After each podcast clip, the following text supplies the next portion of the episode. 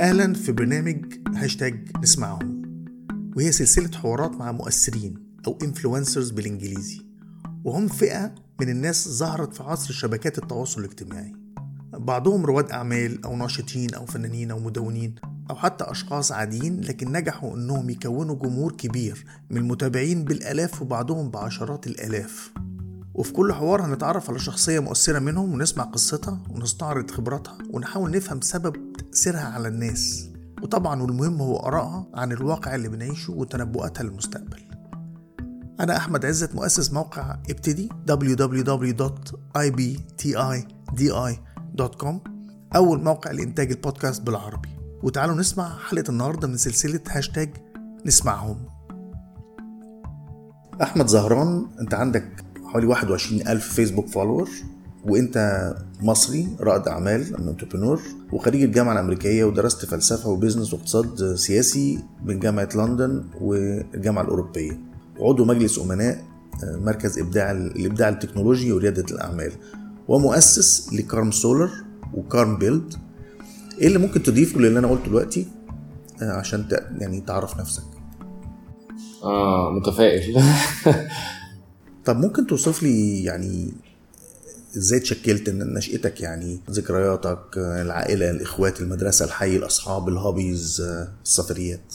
أنا نشأت في مصر الجديدة في الثمانينات أنا مواليد سنة 80 فطفولتي كلها كانت في في حي مصر الجديدة. إن إحنا كنا منطلقين في الشارع. يعني أنا مدرستي كانت في الكوربة وسكني كان عند الكلية الحربية. فكان اللعب في الشارع ده حاجة عادية وطبيعية جدا لأنك ساعات تتمشى أو تاخد المترو من المدرسة للبيت يعني ما كانش الأتوبيس على طول هو وسيلة المواصلات الوحيدة. فده كان مدينا حرية في الانطلاق بطريقة كبيرة جدا. أنا كنت في مدرسة الفرير فهي كانت مدرسة شديدة جدا يعني علينا كأولاد وإحنا صغيرين بس قعدت في نفس المدرسة 13 سنة من أولى حضانة لثالثه ثانوي. فده تهيألي حاجة من الحاجات اللي أثرت فيا في الحتة دي بالذات إن أنا فهمت يعني إيه العمق الاجتماعي. أو إن أنت يبقى عندك شبكة علاقات في بلدك وإن أنت تبقى جزء من مجتمع بتعبر عنه أو فهمه وهكذا. حاجة من الحاجات اللي زودت ارتباطي جدا بمصر.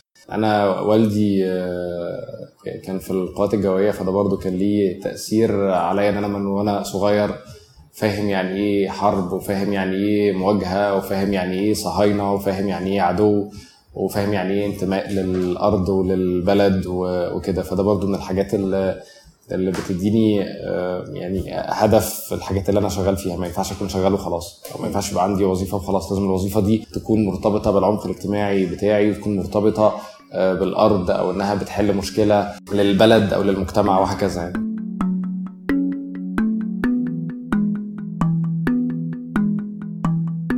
نخش في الخبرات النوعية بتاعتك. ممكن توصف لنا مشروعك بدايته إزاي والمرحلة اللي وصلت فيها؟ فإحنا بدأنا بعد الثورة في 2011 في أكتوبر 2011 كانت الفكرة إن إحنا نعمل شركة مصرية بتشتغل في الطاقة الشمسية. تكون بتشتغل في في العمق بتاع التكنولوجيا نفسه إنها ما تبقاش شركة تركيبات وخلاص. إن إحنا نزود المكون المحلي بتاعت المحطات بتاعتنا إن إحنا نحسن من الإنتاجيات بتاعت المحطات وهكذا على قد المتاح طبعا القدر المتاح. وإن هي تبقى شركة مش بس بتبص على الطاقة الشمسية لكن بتبص على الحاجات المرتبطة بالطاقة الشمسية زي الجانب المالي والتجاري الجانب بتاع المعمار. والأركيتكتشر وهكذا. ان إحنا نربط الطاقة الشمسية مع حاجات تانية ممكن نشتغل بيها. فدي كانت الفكرة. وكانت الفكرة برضو إن أنت ما تعتمدش على مستثمر واحد تجيب عدد كبير جدا من المستثمرين. كلهم عندهم أفكار وكلهم عندهم الرغبة في إن هم يساعدوا حاجة زي كده تكبر. وقدرنا بالفعل إن إحنا إحنا النهارده عندنا تقريبا أكتر من 20 مستثمر. الغالبية العظمى منهم من الأفراد اللي عندهم مدخرات كانوا عايزين يستثمروها في شركة مصرية بتشتغل في التكنولوجيا. وفيهم رجال أعمال برضو داخلين معانا بس ما فيش حد عنده كنترول مطلق على الشركة. المشروع فكرته ابتدت إزاي؟ يعني هل هي عاطفية للبيئة ولا هل هي مادية؟ الفكرة بدأت إن أنا كنت في مرة في مزرعة في الصحراء الغربية وكانوا طلبوني إن أنا أساعدهم يحلوا مشكلة الطاقة عندهم لأنه هم كانوا معتمدين على الديزل ما عندهمش شبكة كهرباء وكانوا عايزين مصدر تاني للكهرباء غير الديزل لصعوبة وصول الديزل ليهم. ففي الأساس كنت بفكر في موضوع ال biogas إن هم ياخدوا المخلفات الزراعية ويستخدموها عشان يطلعوا biogas وبعدين أنا فاكر كويس قوي ده كان في مارس. ولقيت إن في مارس الشمس يعني في قمة سطوعها فقلت طب ليه ما نجربش نستخدم الطاقة الشمسية؟ فابتديت اريسيرش الموضوع ده ابتديت أبحث فيه وأشوف ليه ما بتستخدمش الطاقة الشمسية وابتديت أفهم المسألة بتاعه التكلفة بتاعه الطاقة الشمسية والمشاكل اللوجستية في استخدامها والمشاكل التجارية المرتبطة بالاستثمار وهكذا. ابتديت بقى إن أنا أتكلم مع ناس أكتر في الموضوع لحد ما عملنا فريق العمل اللي ابتدى يشتغل على الموضوع ده. ده أول مشروع ليك؟ هو بلاش نقول نسميه مشروعي أول شركة. اول آه أول فكرة دي أول, أول مره فكرة؟ أول مرة آه أسس بصفة مستقلة يعني. آه ولكن ال- ال- الفكرة في الشركات الجديدة اللي بتطلع في مصر إنها بتتيح الفرصة لكل الناس اللي شغالة فيها حتى الناس الصغيرة إنها تبقى فعلا مشاركة في ال في, ال في اتخاذ القرار وفي, وفي تنمية وتكبير الشركة. أنت ال revenues بتاعتك من حلول بتقدمها للناس من solutions آه ما, بت- ما بتبيعش كهرباء. بعمل الاثنين إحنا الشركة الوحيدة في مصر النهارده في الطاقة الشمسية اللي بتبيع كهرباء. فاحنا عندنا أربع محطات بالفعل شغاله بنبيع منها كهرباء ولسه قبل نهاية السنة إن شاء الله هيبقوا تقريبا 8 محطات. بتبيعها للدولة ولا تبيعها لل- لليوزر للمستخدم؟ آه، في محطة واحدة بنبيع منها للدولة وبقية المحطات بنبيع منها للقطاع الخاص. وبتبيع للقطاع الخاص إنك بتعمل محطة عنده ولا بتدخلها في الشبكة وهو ياخدها من الناحية الثانية هل بنعمل محطة عنده. فده بيقلل من اعتماده أو استهلاكه من كهرباء الحكومة لو هو متصل بشبكة الكهرباء أو بيقلل من استخدامه للديزل لو هو غير متصل بشبكة الكهرباء. وطبعا أنت بتقدر توفر له الكهرباء دي من 9 ل 11 ساعة في اليوم لما يكون الشمس موجودة. بالظبط بالظبط. مفيش امكانيات مفيش إمكانيات إن هو إزاي بيقدر بيضطر إن هو يستعوضها بخط كهرباء تاني عشان يشتغل بقية ال 24 ساعة لو بيشتغل. لا في لو في بطاريات. يعني إحنا عندنا مشروع واحد بس ما هواش مشروع في بيع الكهرباء هو مشروع في الحلول اللي كنا بنقدمها. يعني كارم بيلد عندنا عملت تص... صممت وبنت قرية كاملة في الواحات البحرية بتشتغل بالكامل بالطاقة الشمسية بالبطاريات. تكلفة الوات إنتاجه كام في مصر؟ اللي أنا ممكن أتكلم عليه بدل ما نتكلم على التكلفة خلينا نتكلم على الإنتاجية. إن الإنتاجية بتاعه محطات الطاقة الشمسية في مصر عالية جدا. من من أعلى دول العالم في إنتاجيات الكهرباء من الطاقة الشمسية. وإن دي حاجة بتخلي اقتصاديات المحطات في مصر أعلى منها في أي مكان تاني. فدي الحاجة اللي مخليانا شايفين إنه الطاقة الشمسية في مصر المفروض تشتغل من غير أي نوع من أنواع ال- التمويل ال- اللي هو ال- الهبات أو المنح أو أنا كان كنت قريت زمان على التطور لل نسب كفاءة ال- الفوتوسال وفي وقت من الأوقات كنت بشوف إنها 7% ودلوقتي بسمع 20% في ناس بتقول إن هي وصلت ل 30% هي فين فين بالنسبة ل... بالنسبة لكم أنتوا النهارده التكنولوجي وصل لغاية فين؟ في فرق ما بين التكنولوجيا وما هو تجاري من التكنولوجيا. يعني التكنولوجيات في المعمل يعني مثلا الخلايا الشمسية اللي بتستخدم في الأقمار الصناعية الكفاءة بتاعتها أعلى من كده بكتير. ولكنها غير تجارية. كام تقدرش- تقريباً؟ لا بتوصل لحد 35 و40% ولكن دي ما ينفعش إن أنت تستخدمها في تطبيقات آه، تجارية لأنها غالية جدا فعمرها ما تكون اقتصادية. آه، نفس الحكاية للحاجات بقى التجارية اللي بتستخدم. بتلاقي في حاجات بتوصل يعني النهارده أقول مثلا إن الافرج إن أنت بتلاقي من 18 ونص ل 19% ده الافرج اللي موجود في في السوق. نفس الحاجات دي لما بتعمل عليها اختبارات في المعمل يعني قبل ما تستخدمها في الحقل أو لما تستخدمها في ال- في ال- في ال- في المحطة نفسها بتكون تقريبا على 23% لما تستخدمها بقى على الأرض بتنزل تقريبا 18 ونص 19 وده من مثلا 7% خمس 10 سنين تقريبا أكيد. آه. بشوف شوية أرقام في بعض الناس بتقول إن هو تكلفة الوات من panels من 6 ل 8 دولار لل للوات ال panels نفسها. هل ده الرقم ده قريب لل؟ لا لا لا لا. لا النهارده يعني أنا عايز أقول لك حاجة تكلفة الوات في 2012 كان دولار و40 سنت للوات. النهارده هو حوالي آه، 37 38 سنت فالتكلفة نزلت بصورة مهولة.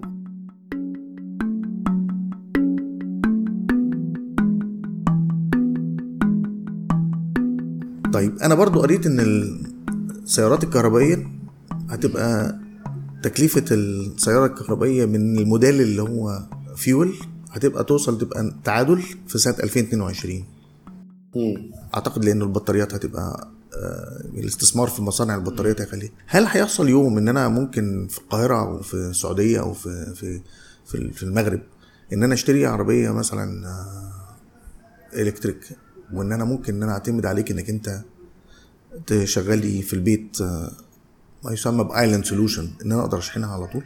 يعني وهيبقى وهل دي تبقى مجدية؟ وإمتى؟ طيب هو ال- العربيات الكهرباء لا مفر منها. آه، وهي هتكون وسيلة التنقل الأساسية بداية من 2030 شئنا أم أبينا على فكرة لأن في تغيرات تكنولوجية معينة بتحصل. لما بتحصل في الأماكن اللي بتنتج التكنولوجيا دي بيحصل migration أو هجرة من تكنولوجيات قديمة لتكنولوجيات جديدة. ولازم بتنطبق على الجميع لأنه تكلفة إنتاج التكنولوجيا القديمة بتبقى عالية جدا فخلاص الكل بيهجرها. فاللي هيحصل في دول العالم إن هيتم الهجرة من العربيات المعتمدة على ال internal combustion engine اللي هو الموتور العربية اللي إحنا عارفينه اللي بيشتغل بالوقود الأحفوري إنها هت- هتتحرك ناحية ال- الموتور اللي بالكهرباء وهو ده هيبقى النظام السائد. ألمانيا بداية من 2030 مش هيبقى فيها غير عربيات الكهرباء فرنسا من سنة 2040 مش هيبقى فيها غير عربيات الكهرباء وبالتالي أنا متوقع إن بلادنا ما بين 2030 ل 2050 لازم هتكون كلها اتحركت ناحية عربيات ال- ال- الكهرباء. العربيات الكهرباء معناها إن أنت البنيه التحتيه بتاعتك بتاعه تموين العربيات هتتغير تماما. لأنه أماكن تواجد المحطات هيبقى مختلف تماما وهيبقى معتمد على حاجات مختلفة خالص. محطة البنزين النهارده هتبقى هت- هتستعيد عنها بمحطة شحن عربية لازم تكون متوصلة بشبكه كهرباء. والأماكن اللي ما فيهاش شبكة كهرباء لازم هتكون محطة طاقة شمسية معاها مجموعة أو معاها محطة تخزين طاقة معاها محطة الشحن بتاعة العربيات. فده هيغير ال infrastructure تماما. هي هتكون فترة صعبة ده بكل تأكيد. فترة ال migration أو النقل دي لكن الفوائد بتاعتها اللي أنا شايفها على المجتمع عامة من ناحية التلوث هتبقى رائعة جدا. قدرة الطاقة الشمسية أو مساهمة الطاقة الشمسية في العربيات الكهرباء أعتقد إنها هتبقى يعني أعتقد على سنة 2030 هتبقى العربيات الكهرباء بتمشي بالأساس من الكهرباء المنتجه من الطاقة الشمسية. من غير شحن هي نفسها هيبقى فيها خلايا لا لا لا بالشحن. ما أعتقدش يعني هي نفسها ممكن يكون فيها خلايا بس ما أعتقدش إن إن إحنا في 2030 هيبقى ده, ده الحل النهائي. ال- ال- اللي أنا بتخيله لمستقبل العالم ال- الحاجات اللي إحنا بنصنعها في الغالب التكنولوجيا لازم تاخدها في اتجاه إنها تشتغل بنفس طريقة الشجر الشجرة مكتفية ذاتيا. بمعنى إنه الشمس لما بتطلع على الشجرة الشجرة بتقدر إنها تستخدم أو تمتص من الطاقة الشمسية. ما يكفيها من الطاقة إنها تعمل كل العمليات الغذائية وال- و- وعملية النمو بتاعتها التمثيل الضوئي اللي هو بنسميه التمثيل الضوئي. أنا في في مخيلتي إن لازم العربيات اللي بنصنعها المباني اللي بنبنيها المكن اللي بنعمله يكون هو نفسه عنده القدرة إن هو يعمل حاجة شبيهة بالتمثيل الضوئي. إن يبقى القشرة الخارجية لأي منتج أنت بتبنيه أو القشرة الخارجية لأي عربية اللي أنت بتعملها عندها القدرة إنها تمتص من الطاقة الشمسية كمية الطاقة اللي كافية ليها لمدة 24 ساعة. بس ده لسه أنا مش يعني ده ده حاجة أنا بحلم بيها. أنا أنا نفسي إنها تتعمل بس لسه مش شايف التكنولوجيات اللي تخليها تتحقق. البطاريات هي اللي الناس مستنيينها التكنولوجي بتاع البطاريات. أنا برفض التعلق بتكنولوجيا معينة وإنك تحط كل املك عليها لأن ده بيعميك عن إن أنت تشوف حاجة تانية. فخلينا نقول إنه الجزء بتاع تخزين الطاقة مهم جدا ولما يحصل تطور فيه هيساعدنا بشكل كبير لكن ما هواش الحاجة الوحيدة اللي هتنقلك من مكان لآخر.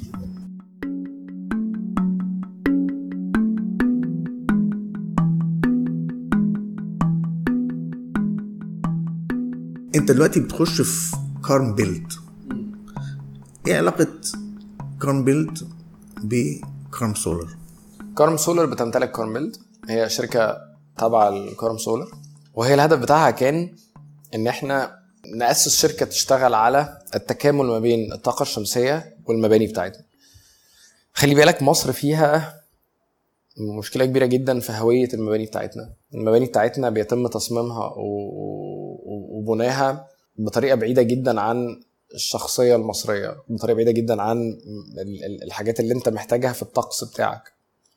انت الطقس بتاعك آه، بيخلي لازم يبقى عندك في في المباني بتاعتك كورت يارد اللي هي ال- الفسحايه أو ال- ال- ال- الفسحية الحوش اللي كان بيبقى في وسط البيت تمام؟ النهارده انت ما بقتش تعمل الحوش انت بقيت تعمل جنينة بنجيله قدام البيت.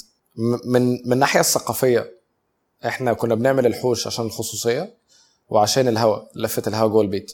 وأنت ما ينفعش تزرع نجيلة لأن أنت بيئة صحراوية والنجيلة بتاخد ميه كتير جدا. فأنت عملت العكس بالظبط. أنت شلت الحوش من جوه البيت وطلعته خليته جنينة قدام البيت وحطيت فيها نجيلة.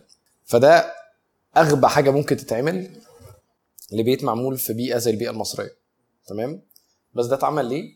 لأن إحنا ما عندناش قدرة إن إحنا نصمم بيوت متوائمة مع الطقس بتاعنا.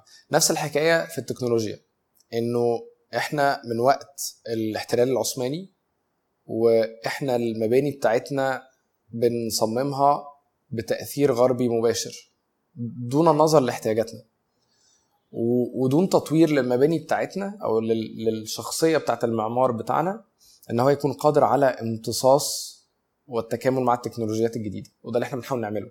إن إحنا نصمم مباني فيها شخصية بتعبر عن الحضارات المختلفة بتاعتنا سواء كانت الحضارة العربية أو القبطية أو الإسلامية أو ال- ال- ال- الفرعونية وتكون قادرة أو أنت تكون قادر إن أنت تدخل التكنولوجيا فيها تكون شكلها بي- بيعبر عننا أو بيعبر عن ال- الحضارة والفن بتاعنا.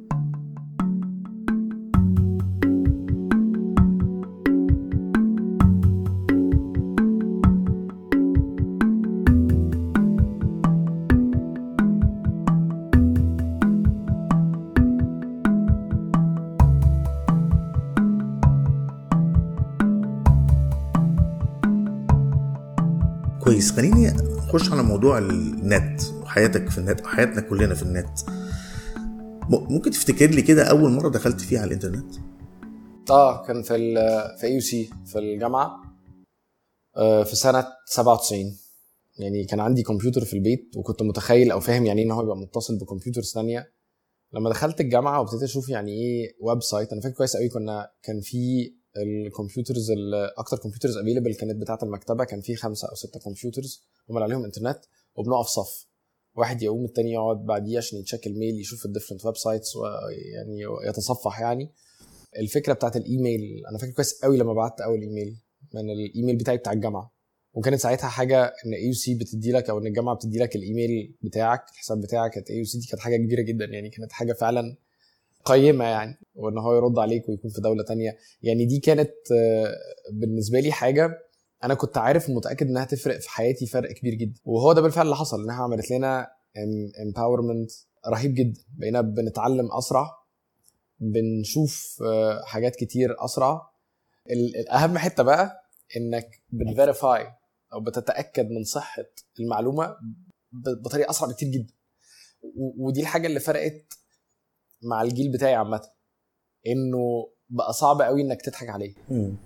لإنه بقى عنده القدرة إن هو يقارن نفسه ويقارن أحواله ويتأكد من كل معلومة وينبش في الماضي. ودي الحاجة اللي بتزعج ناس كتير جدا. إن أنت بقى عندك القدرة إن أنت تتعلم من الماضي أكتر من من ناس تانية. وإنه الارتباط بالشخصيات العظيمة والحب والعواطف بقى مختلف. يعني مثلا أنا بحب عبد الناصر بس حبي لعبد الناصر مختلف تماما عن الناصريين أو عن جيل الستينات كله. لأن أنا حبي ليه بقى حب في إطار إن أنا شايف غلطاته كلها. إيه إيه اللي أنا خلاني أشوف غلطاته كلها؟ إن أنا قدرت بقى عندي access أسهل بكتير جدا لشهادات ناس مختلفة وكتابات مختلفة أكتر من من اللي متواجد في السوق اللي حواليك علما بأن كل ال archives مقفولة. بالظبط. بس دلوقتي بص ما فيش أي حد يقدر يقفل أي حاجة. هو ساعات اللي بيقفل بيضر نفسه لأنه بيسمح للآخرين إن هم يخلقوا قصة غير الحقيقية. حقيقي. فبقى من مصلحة الجميع إن هو يفتح ال- المعلومات اللي عنده أو يبين القصة اللي عنده. لازم نعترف إن مصر التعليم انهار فيها. انهار بمعنى كلمة انهار. يعني أنت النهارده صعب جدا إن أنت آه، يعني بقت الطبقة المتوسطة النهارده بتدخل مدارس دولية لأنه الثقة في شهادة الثانوية العامة تبخرت. وحتى التعليم الدولي في مصر بقى تعليم تجاري معظمه ما بقاش فيه مؤسسات بتعلم. فكان الكل متوقع إن ده هيؤدي لانهيار تام في ال في ال skills أو ال talents القدرات بتاعت الناس اللي, اللي بتشتغل. ولكن الإنترنت ملت ال vacuum أو ال gap دي. بقت العيال بتخش بتعلم نفسها عن طريق الإنترنت. ده فرق فرق رهيب جدا. أفضل اب بتستعمله إيه؟ بس من الحاجات اللي فرقت معايا جدا مثلا امازون في شراء الكتب يعني أنا ممكن أقول إن إحنا مستكشفين عمالين بنستكشف حاجات جديدة ونشوف إيه أفضل حاجات لبلدنا وبنحاول إن إحنا نجيبها ونزرعها عندنا هنا. فأنا أعتقد إن حاجة من الوظائف الأساسية أو الاستخدامات الأساسية للإنترنت إنها تساعدك في الاستكشاف ده. فأنا النهارده بستخدم كل ال apps اللي تمكنني من إن أنا أعرف أكبر قدر ممكن من المعلومات وأكبر قدر ممكن من الحاجات اللي بتحصل في العالم عشان أشوف إيه الحاجات اللي ممكن تكون مفيدة لينا هنا في مصر أو مفيدة لينا هنا حتى في كارم سولر فزي ما قلت لك مثلا أمازون. دلوقتي سهل موضوع شراء أي كتاب. إن أنا بقى عندي access لأي كتاب ممكن إن أنا أجيبه على طول. okay إزاي أثر ال social media في في حياتك؟ فإحنا النهارده ال recruitment بتاعنا كله بيحصل على ال social media. إنك بتعرف الناس قصة المكان. خلي بالك إحنا بنعدي بظروف صعبة ومحتاجين نساند بعض. فبقت ال social media واحدة من الوسائل اللي بحاول أنا أستخدمها علشان أشجع الناس إنها تفضل في مصر. فأنا بشوف إن ال social media يعني حاجة وسائل التواصل الاجتماعي عامة حاجة من الحاجات المهمة اللي ممكن تستخدم بكل الطرق بطريقة كويسة أو بطريقة سيئة. هل ممكن تتحجب فيسبوك؟ هي ممكن أي حاجة تتعمل. بس هو في الآخر كل حاجة في الدنيا ليها ثمن يعني ثمنها هيبقى إن أنت هتأخر تطوير المجتمع ده بصورة كبيرة جدا وغير إن أنت هتفقد وسيلة التواصل الوحيدة الموجودة مع الشباب. يعني هو النهارده لو أنت عايز توصل للشباب قنوات التلفزيون انتهت خلاص مبقاش ليها أي قيمة ومتابعينها بقى قليلين جدا يعني بقت خلاص محدودة التأثير. النهارده بقت وسيلة التواصل الأساسية مع الشباب هي فيسبوك. لو أنت حجبته فأنت نهيت وسيلة التواصل الاساسيه مع الشباب على الأقل ال social media بتعرفك الشباب بيفكر في إيه. بس لو أنت حجبتها فأنت أصلا مش هتعرف هم بيفكروا في إيه. أعتقد إنها فكرة حجبها ممكن تكون يعني ما أعتقدش إنها يعني هتفيد أي حد.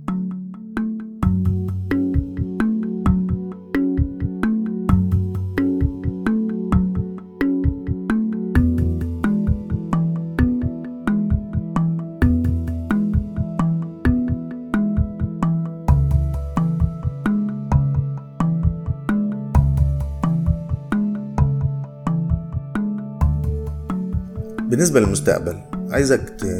يعني تشارك معايا في التفكير اللي في دماغك مستقبل بالنسبة لكارن سولر وبالنسبة لك انت في مصر.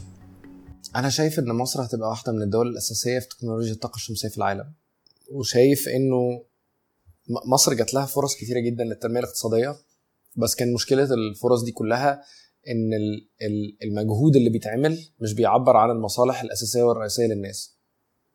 وده كان السبب في إن كل التجارب اللي قبل كده ما كملتش. سواء كانت التجربة بتاعت محمد علي أو التجربة الليبرالية في في العشرينات أو آه، التجربة الناصرية أو المحاولات الغبية للسادات. بعد كده ولا شيء بتاع مبارك يعني كل المحاولات دي ما كانتش بتكمل لأنها ما كانتش بتعبر عن مصالح الناس. اللي بيحصل النهارده إنه بقى في شركات كتير صغيرة جدا بتطلع بتحاول تحل مشاكل المجتمع بتاعها أو الدايرة الصغيرة بتاعتها. الشركات دي كلها بقت بتعبر عن المجتمع بصورة كبيرة جدا. فأعتقد إن عندها فرصة كبيرة لإنها تنجح وإنها تكبر. لأنه الحاجة الأساسية في أي شركة إن يبقى قدرتها إن يبقى عندها القدرة إنها تغطي تكلفتها. فأنت لما بتعمل شركة وعندها القدرة إنها تغطي تكلفتها بقى عندك الحد الأدنى اللي يضمن إنها تستمر لو هي بتقدم حاجة قيمة.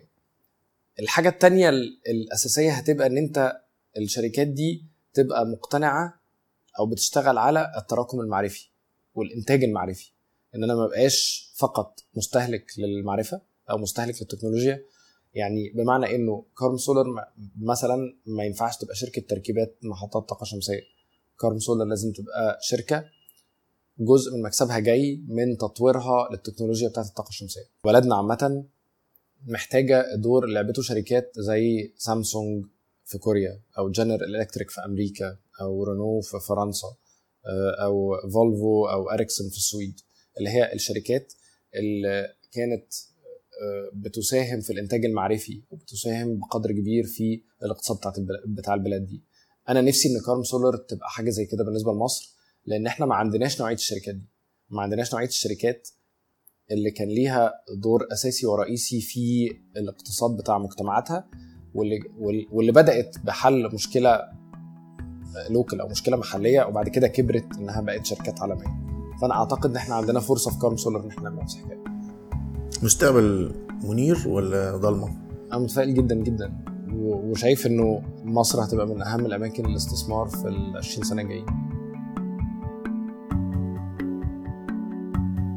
عشان نختاركم لما الحلقة الجاية تكون متاحة بندعوكم تعملوا subscribe لينا على iTunes أو Apple Podcasts أو SoundCloud ابحثوا فيها عن I B T I D I أو هاشتاج نسمعهم توصلكم الحلقة الجديدة بدون مقابل على تليفونكم المحمول أو أي جهاز متصل بالنت أول ما نرفعها وممكن تتابعونا وتشاركونا بالرأي على صفحاتنا على فيسبوك وتويتر وإنستجرام وكل المعلومات دي موجودة على صفحتنا www.ibtidi.com ولو عندكم اقتراحات أو عايزين ترشحوا مؤثرين أو عندكم فكرة للبودكاست عايزين نساعدكم في إنتاجه وأخيرا لو عجبكم البرنامج مهم تعملوا rating على iTunes وممكن تشيروه هاشتاج نسمعهم hashtag I B T I D I